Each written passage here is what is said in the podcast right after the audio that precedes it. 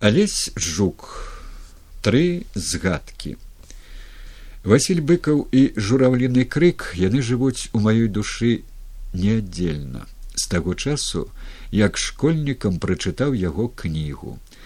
Тады над маім дзяцінствам над маёй вёскай пролягала журавліная дарога і кожную восень асабліва ў пагодлівыя дні прастору поўніў журботны непаўторны і незабыўны адлётны крык.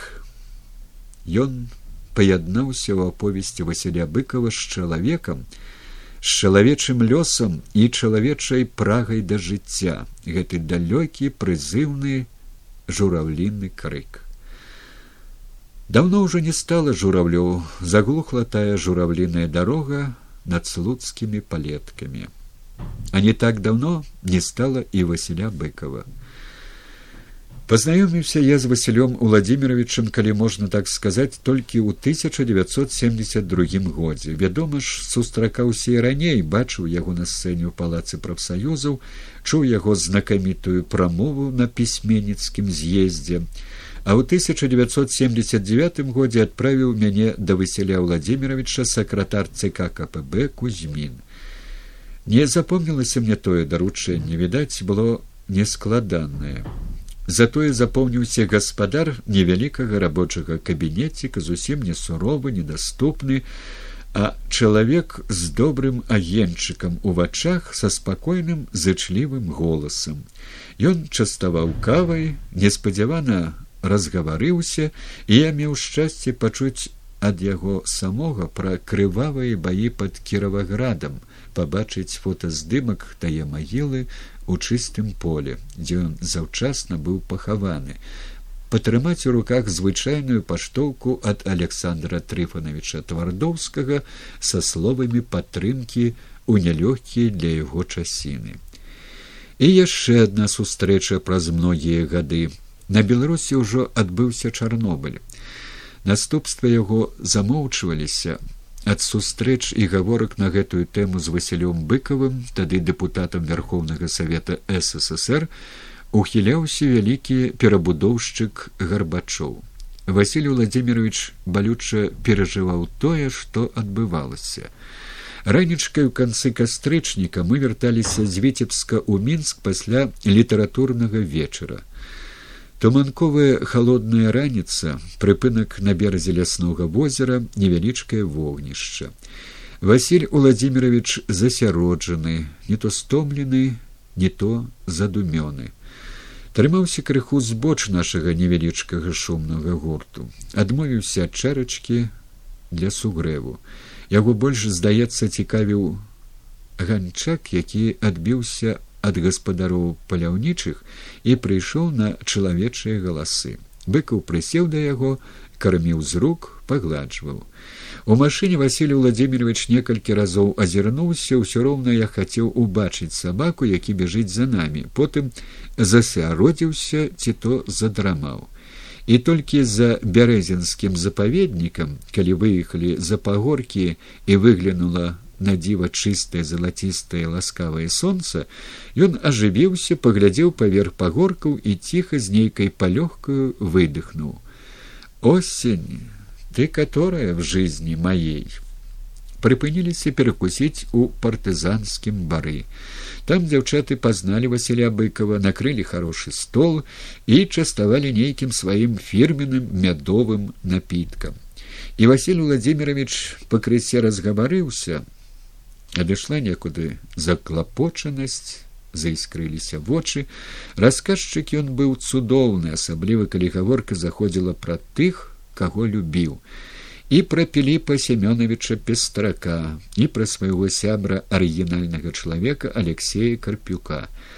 Ды з гумарам і пра самога сябе як разгуляўся на сваю волзе за таго што перагрэўся рухавік і дзень быў сонечны і василь владимирович пасветлены з твару пабачыў я василя быкова і таго які ўмее прыняць рашэнне і быць рашучым і непахісным Было гэта напрыканцы 1988 года. Часопіс дружба народов наладзіў літаратурны вечар у палацы трактарнага завода.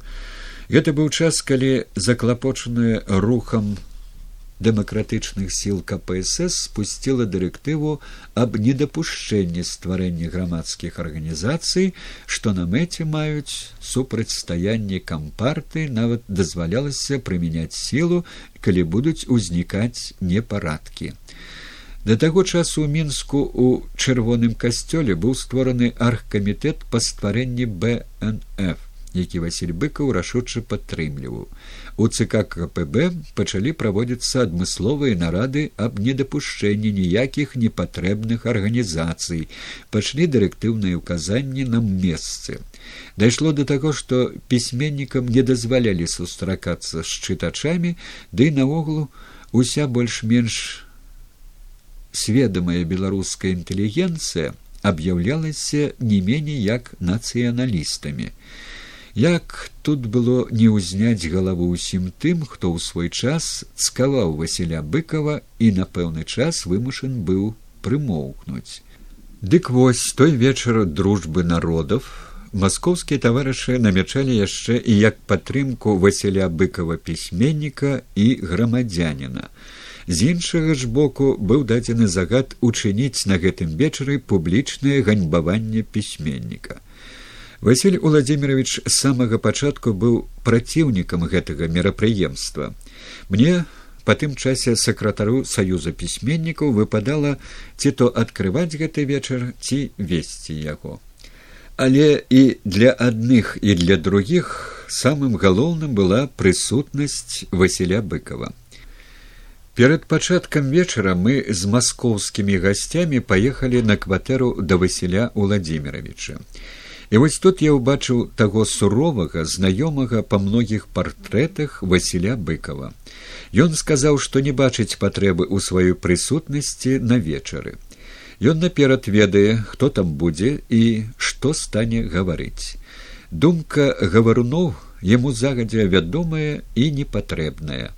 Вядома, пачалася аблога па ўсіх правілах і няправілах з боку масквічоў. Василь владимирович выслухоўваў іх і адназначна стаяў на сваім. Не адступаліся і масквічы. Урэшце не вытрымала Ірына Михайловна, жонка быкова, звярнулася да мяне і да Наташы ігруновай, супрацоўніцы дружбы народаў з просьбаю патлумачыць астатнім, што не трэба мучыць Васіля Владимировича, ён і так не лепшым чынам адчувае сябе, і сваё рашэнне не адменіць. Так яно і адбылося і нягледзячы на тое, што Васіль владимирович не з'явіўся, на пачатку вечара паспрабавалі узняцца нанятыя, але іх хутка зашыкалі, яны вымушаны былі змоўкнуць, а зала аднадушна вырашыла паслаць тэлеграму Васілю владимировичу з пажаданнямі здароўя, поспехаў новых твораў. Вось тады і нашы маскоўскія сябры і мы самі зразумелі, што абараняць быкова ад беларускага народа няма патрэбы. Апошнія гады голас Васіля Владимировича я чуў толькі па тэлефоне. З далёкага хельсынкі ён пытаўся, ці можна прыслаць новае апавяданне ў нёман. Апавяданне было атрымана і надрукавана. Затым была гаворка, калі ён жыў у Геррманіі. І сёння горка ведаць, што болей Васіль Уладзімирович не пазвоніць нікому ніколі. Горад мінск.